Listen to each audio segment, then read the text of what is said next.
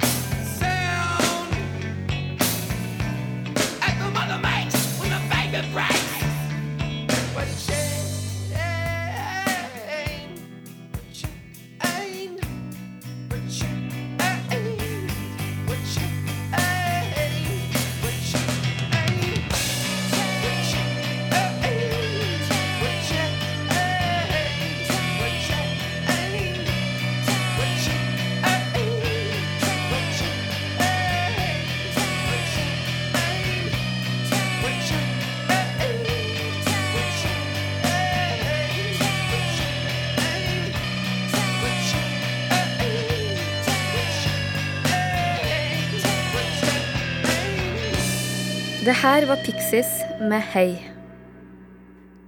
Har du kjøpt brødskiva di på loppemarked også, eller? Den store gutten så hånlig på meg. Ungene som sto rundt, lo. Heller ikke dem som egentlig var vennene mine, klarte helt å skjule latteren. Vi hadde ikke så mye penger da jeg vokste opp.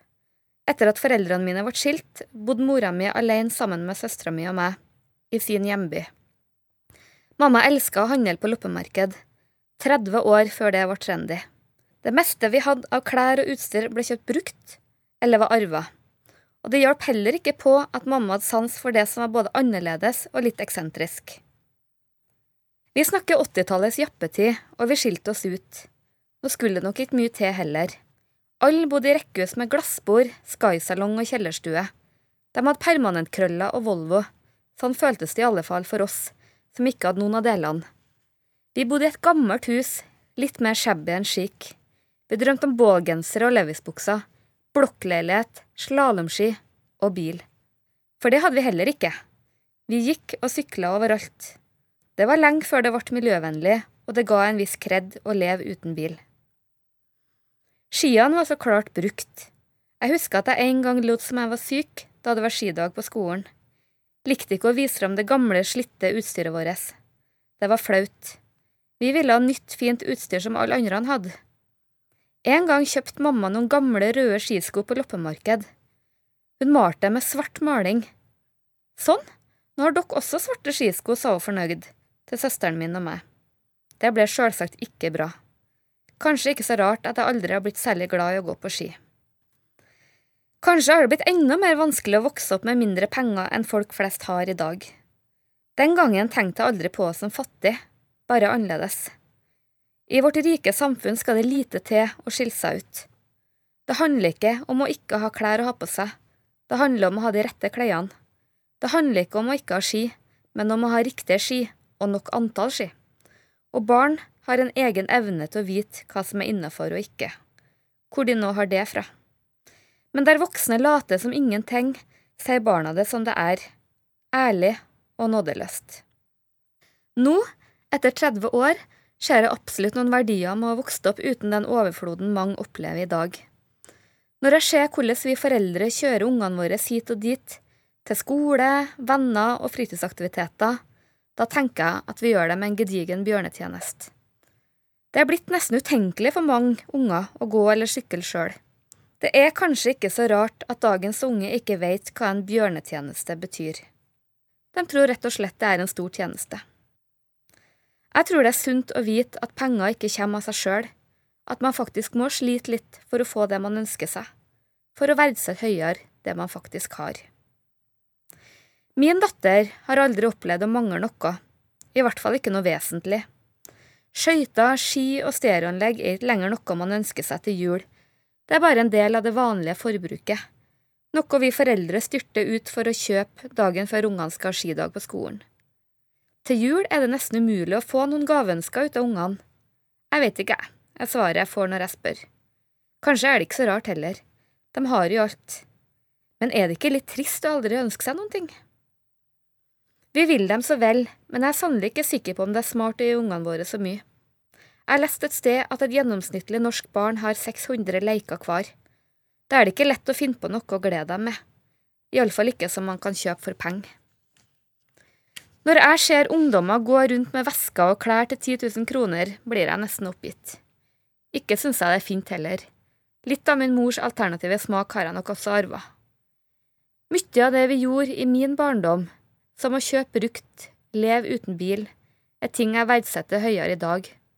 Den store forskjellen er bare at nå kan jeg velge det sjøl. Da er det kanskje lettere å like. It's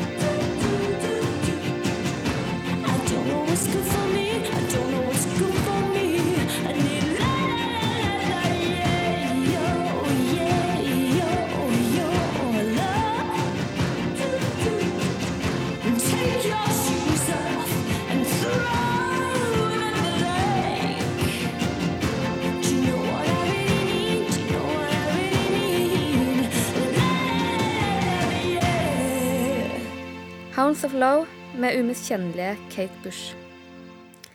Du hører på Sommer i P2, og navnet mitt er Tone Sofie Aglen. De første ti årene av livet mitt var jeg knapt inne i en butikk. Den opprinnelige heimplassen min er ei lita øy på Namdalskysten. Der bodde rundt 40 mennesker med stort og smått, og noen titalls sauer og kuer. Det var litt som øya Ulvingen fra TV-serien Himmelblå, bortsett fra at det var ingen skole på øya heller ingen butikk. Varer bestilte vi hos kjøpmannen på fastlandet. Det var ikke noe mye kjøpepress å snakke om.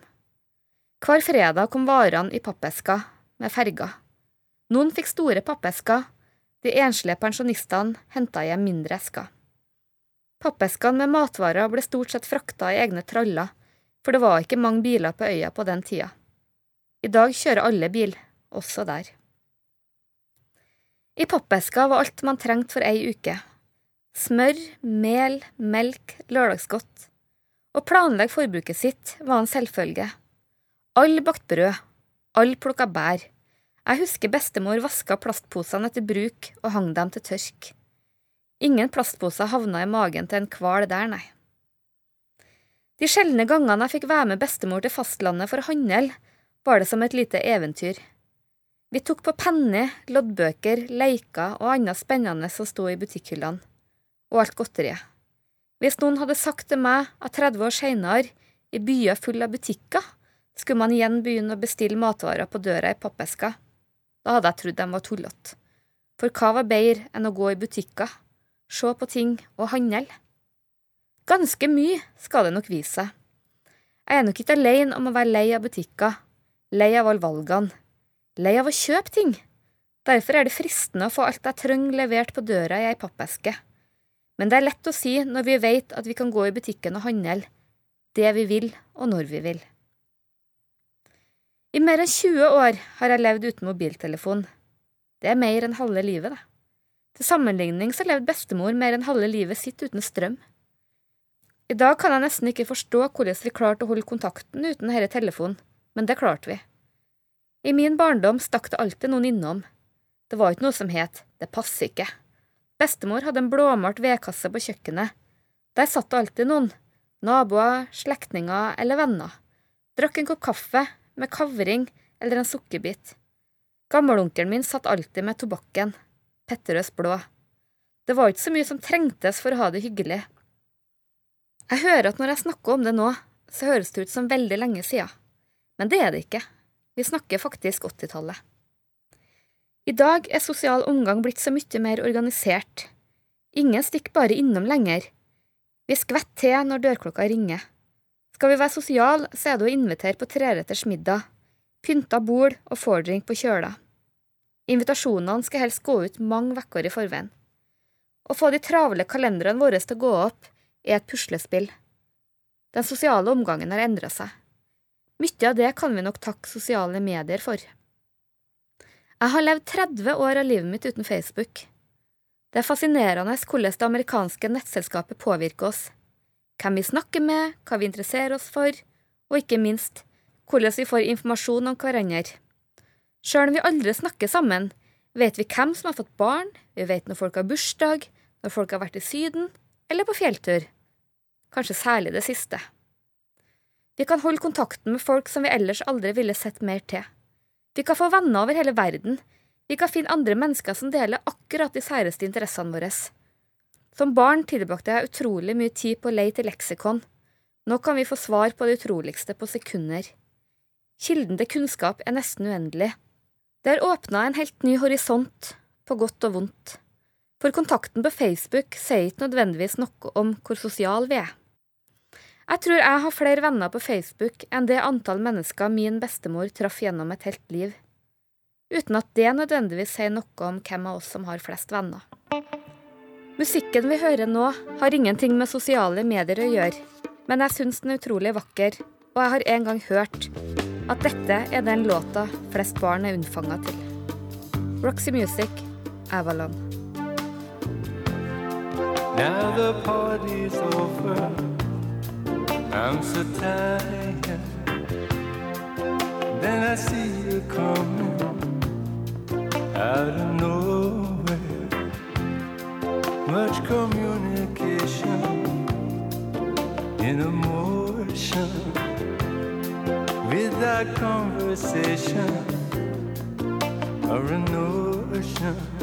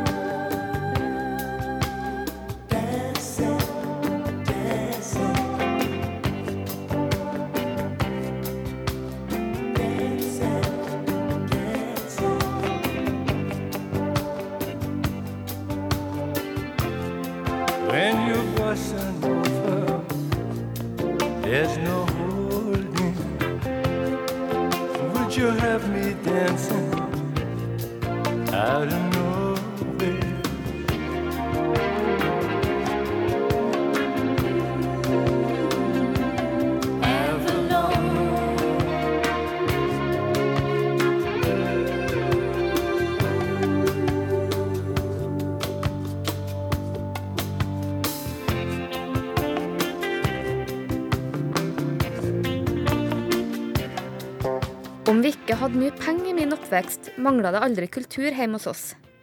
Besteforeldrene mine bodde noen hus bortenfor, og de elska bøker, klassisk musikk og kunst. På lørdagene brukte bestefar å stikke til meg en femtilapp, slik at jeg kan kjøpe meg ei bok. Jeg var ofte så opptatt av boka at jeg brukte å lese mens jeg gikk. En ekte lesehest. Jeg sluttet alt jeg kom over, la våken til langt på natt. Det var Frøken Detektiv, Sagaen om isfolket, Onkel Toms hytte og Leo Tolstoy kiosklitteratur og gamle klassikere om hverandre.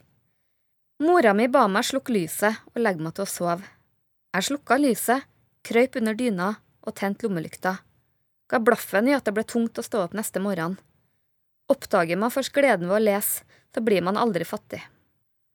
Noe av det jeg kjenner forandra med årene, er evnen til å konsentrere seg.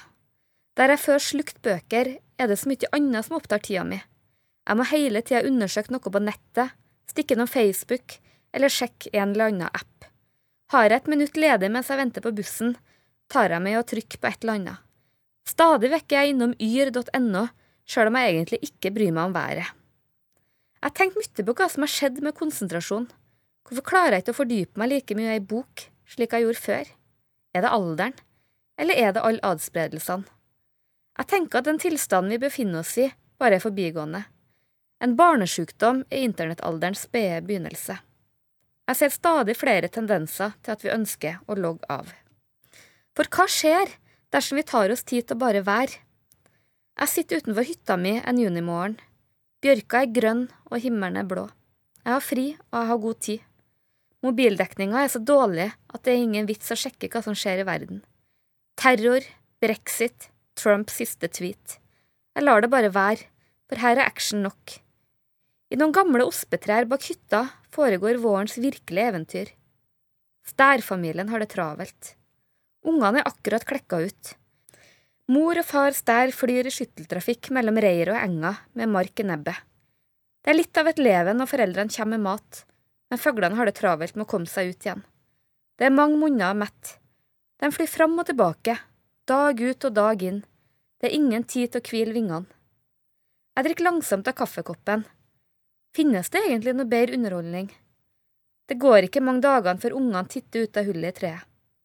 Ganske snart står flyvetrening på programmet. Én etter én hopper de ut av reiret.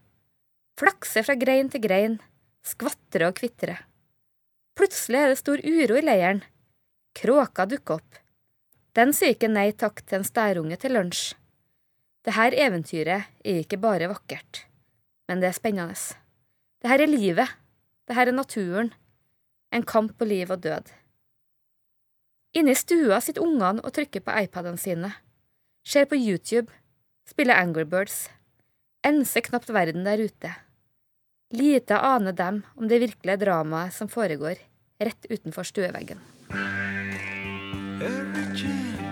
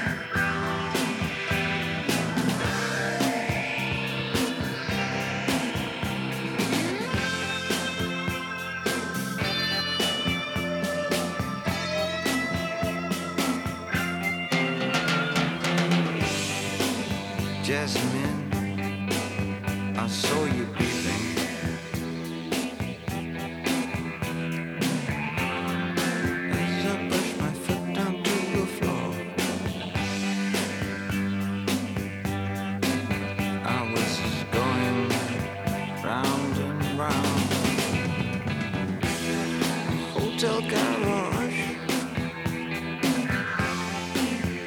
must have been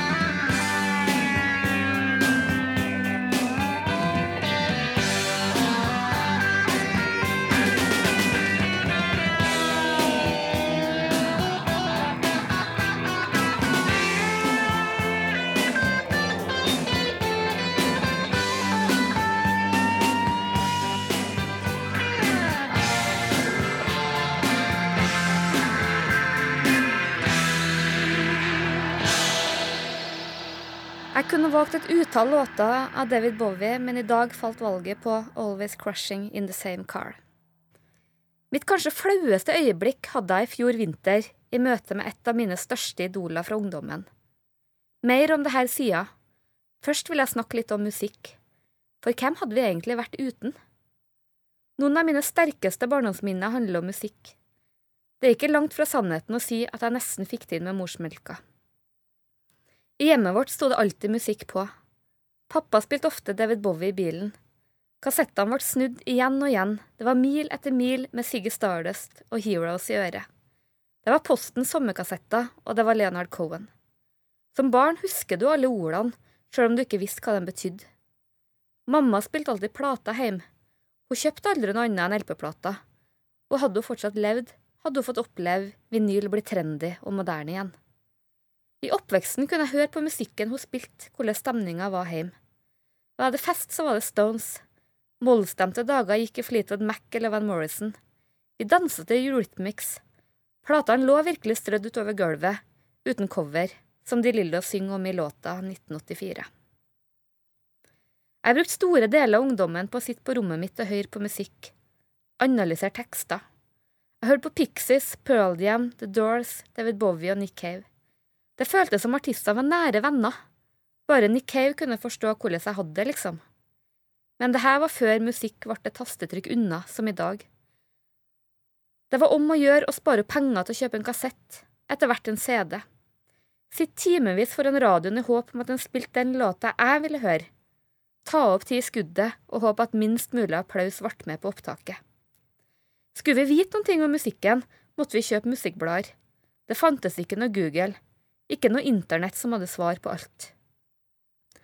På 80-tallet skjedde en revolusjon. Vi fikk Sky, Super og etter hvert MTV. Jeg kunne sitte hele dagen og se på Pat Sharp presentere musikkvideoer.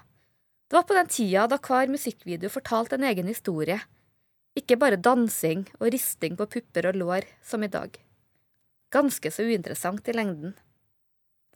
Kanskje må man være oppvokst før internettida for å forstå hvor mye innsats vi la ned for å få tak i musikken. Da David Bowie døde, føltes det som å miste en venn.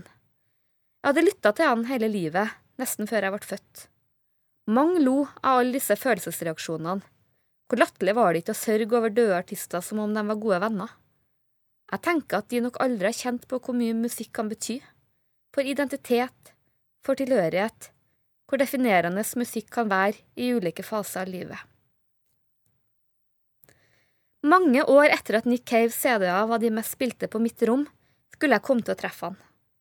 Jeg sto i en bokhandel i Soho i London en regntung fredag i februar, bladd i noen musikkbøker. Plutselig kom en mann som så ut som mørkets fyrste, slentrende forbi i spisse sko, svart flagrende frakk og med kullsort, halvlangt hår. Nick Cave. Min ungdoms idol, og trodde jeg, min sjelevenn og åndsfrende. Nærmest paralysert fulgte jeg etter han, klarte ikke å stoppe, mista fullstendig både skammet og folkeskikk. Brått ble jeg dratt ut av transen. Are you following me? spurte han bryskt. Jeg kunne ikke annet enn å svare på stotrende trønderengelsk. I'm your biggest fan from Norway. Jeg skal ikke gå så langt som å si at han smeltet, men han tok meg aller nådigst i hånda.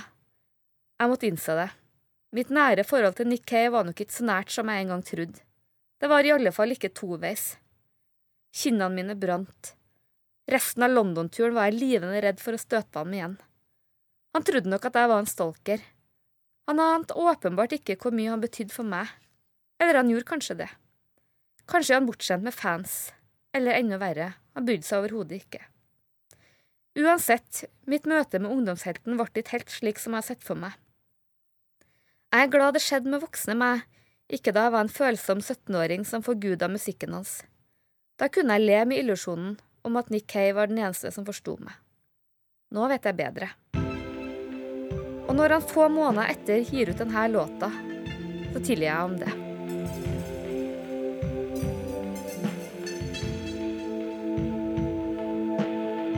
upside down and inside out and on the leash, like a funnel web, like a black fly on the ceiling.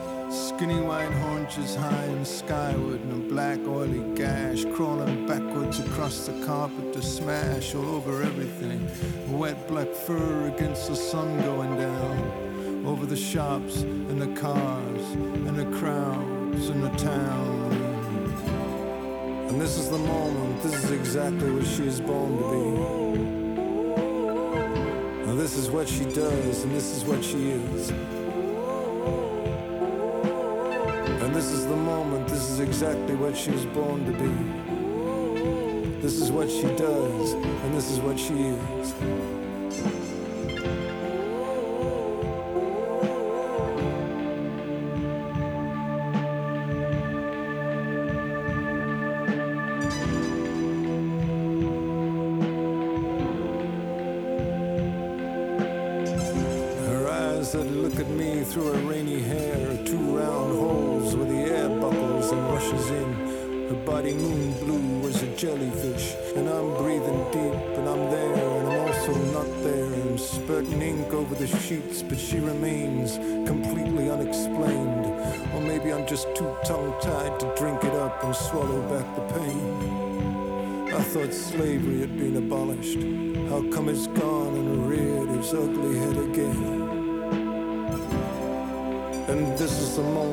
Exactly what she is born to be. And this is what she does, and this is what she is. And this is the moment, this is exactly what she is born to be. This is what she is, and this is what she does.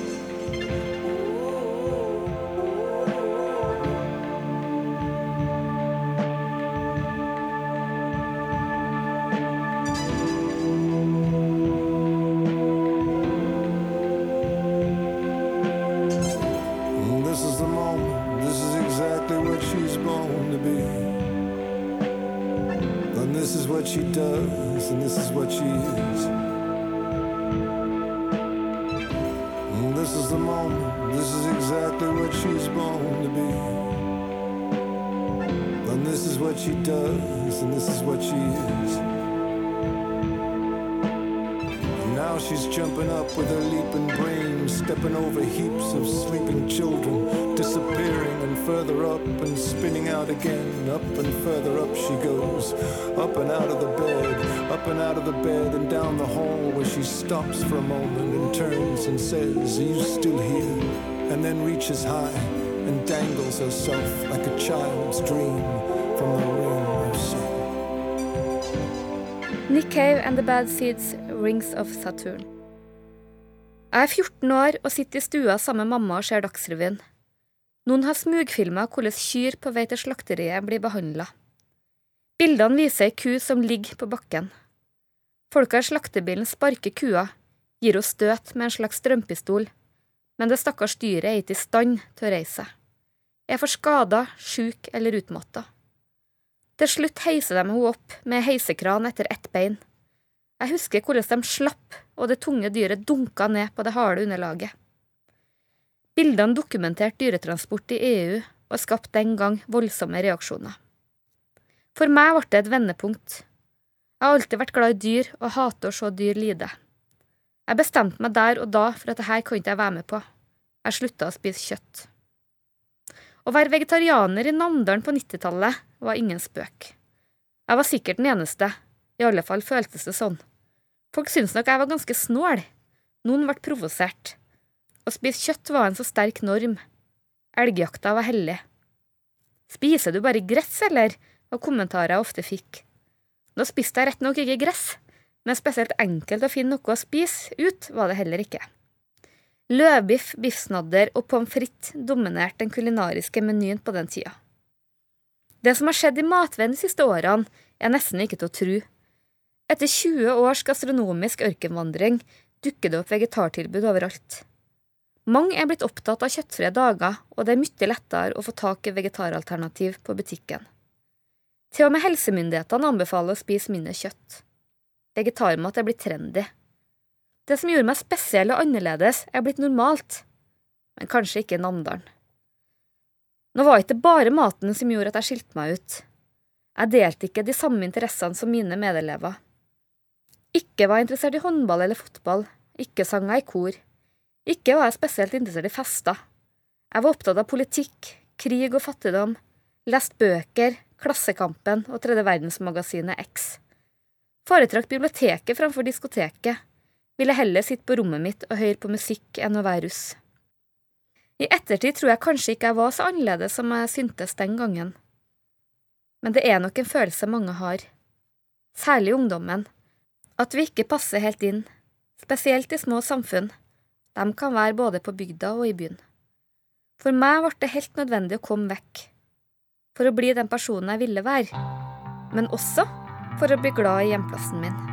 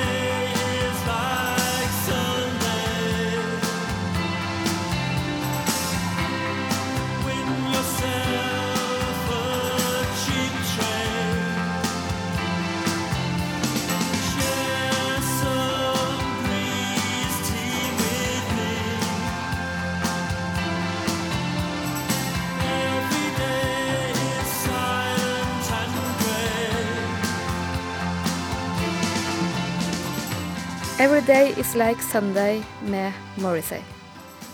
Jeg heter Tone Sofie Aglen, og du hører på Sommer i P2. Det finnes ikke noen rød tråd i livet mitt. I den grad det skulle finnes noen, så må det være engasjement og magefølelse. Jeg veit ikke om den nødvendigvis er så mye å skryte av. Den har ikke alltid tatt meg i riktig retning, men ingenting av det jeg har gjort, har vært forgjeves. Som 19-åring fikk jeg jobb på fiskefabrikk. Det som skulle vare en sommer, ble til et år. Lærerne mine fra videregående skjønte ingenting. Hva slags karriere var det? Få ting har lært meg mer om arbeidslivet enn det året. Det var hardt arbeid, manuelt, kaldt, ei lukt som kunne få hvem som helst til å snu i døra, men likevel så viktig. Den gang ble jeg overraska over hvor glad de ansatte var i jobben sin, hvor godt de trivdes. Det var mye humor.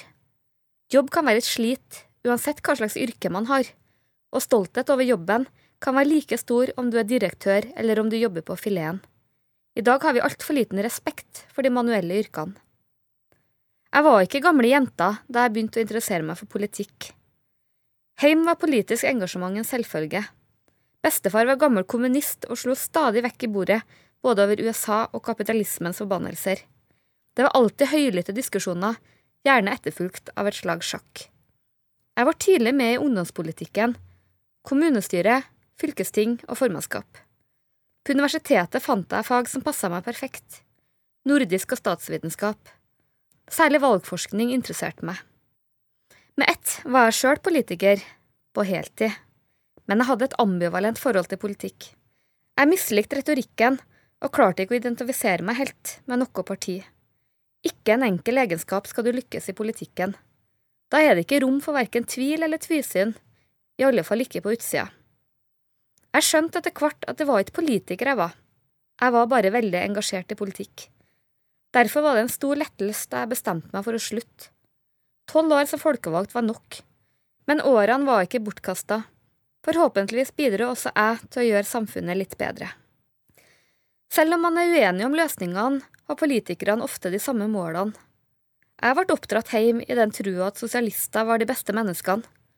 Men jeg har lært at engasjement for å gjøre verden bedre ikke har noe med politisk farge å gjøre. Du finner egoister i SV og hjertevarme i Frp, og omvendt. Jeg tror de egenskapene er ganske jevnt fordelt mellom partiene. Derfor blir jeg litt oppgitt når jeg hører hvordan man prøver å stemple politiske motstandere som kalde onde, eller som naive drømmere. Jeg har ofte fulgt magefølelsen. Den har for eksempel ført meg til Nord-Norge og fantastiske Lofoten, til den andre enden av det politiske bordet, som rådmann. Jeg tror aldri før jeg har opplevd så mye på så kort tid. Hvis du noen gang vil gå livets skole, flytt til Nord-Norge. Vil du i tillegg gå byråkratiets skole, bli rådmann. Gjennom omveier, krinkelkroker og rare valg har jeg havna der jeg er i dag, som politisk redaktør i Adresseavisen. Det var litt som å komme hjem. Sjøl da jeg var politiker, følte jeg meg egentlig som en kommentator. Det lå mer for meg å analysere enn å argumentere. Har jeg funnet drømmejobben? Ja.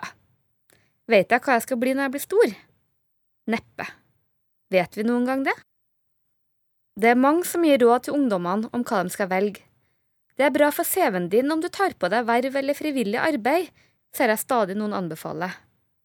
Jeg kjenner at jeg blir litt irritert. Noen karriererådgiver av betydning er jeg neppe, men én ting vil jeg si. Lytt til magefølelsen, følg engasjementet ditt, ikke hva som tar seg bra ut på CV-en din.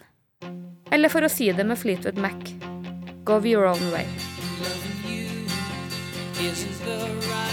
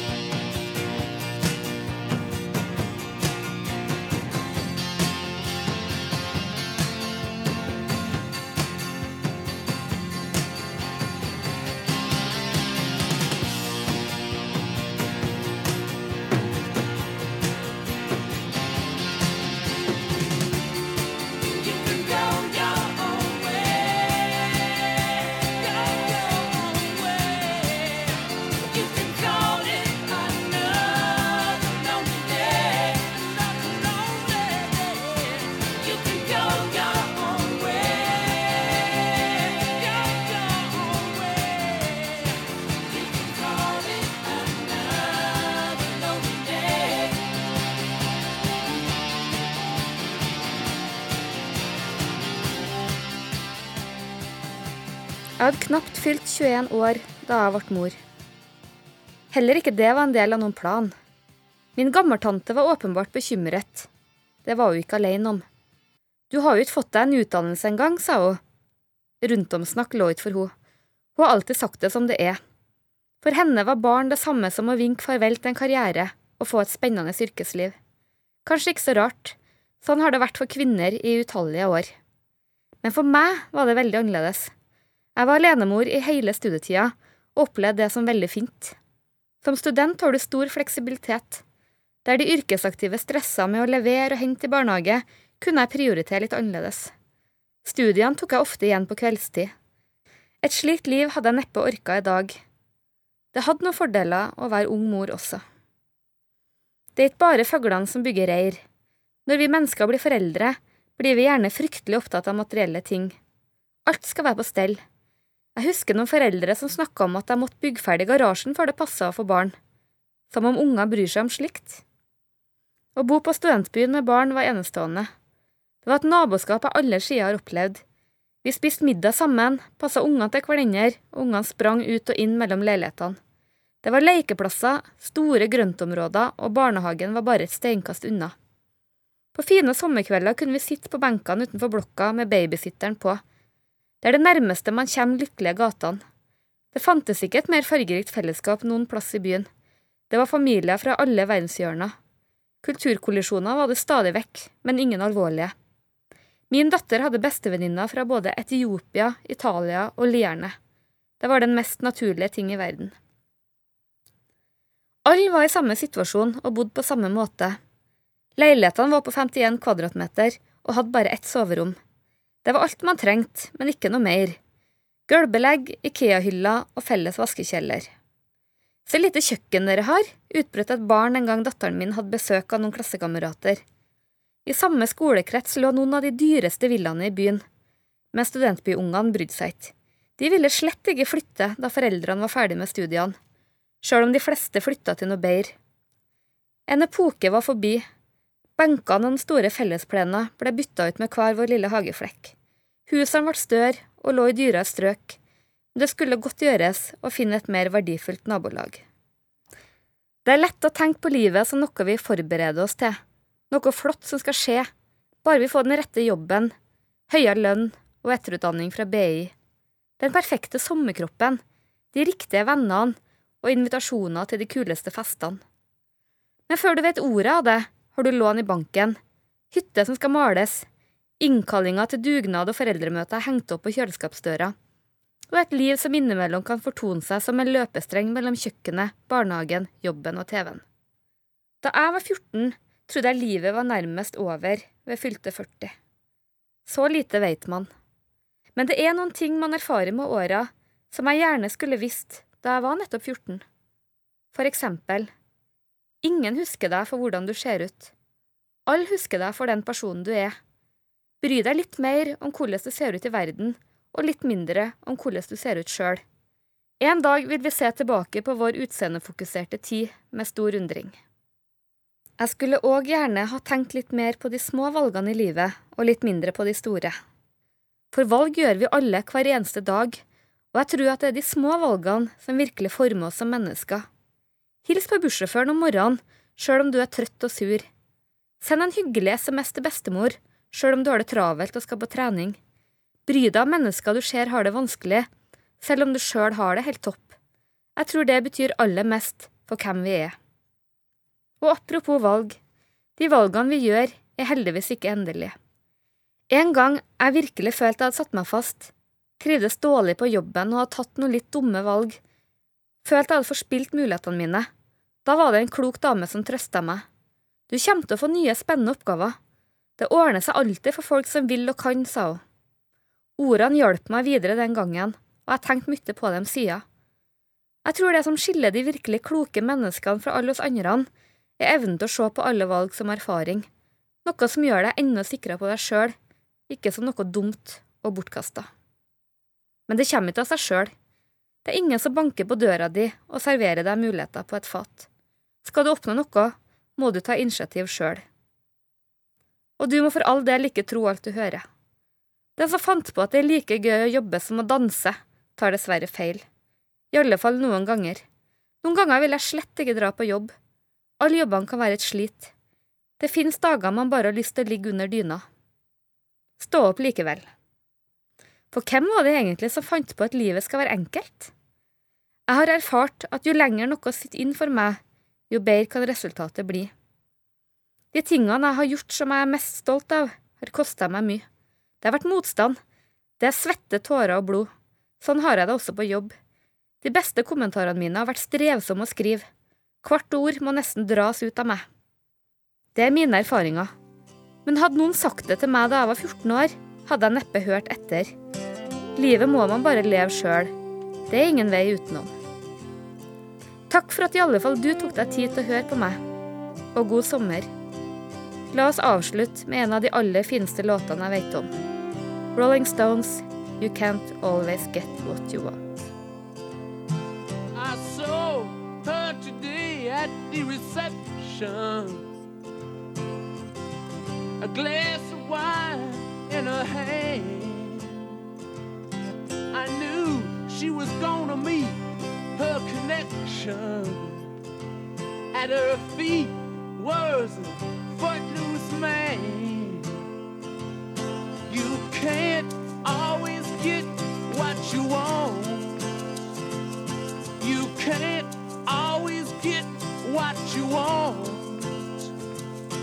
You can't always get what you want. Try sometimes, well, you might find you get what you need.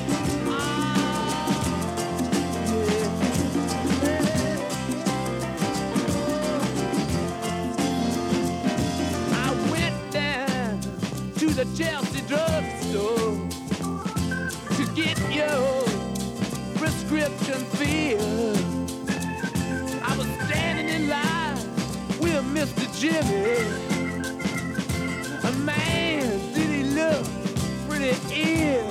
I said to him, You can't always just get what you want.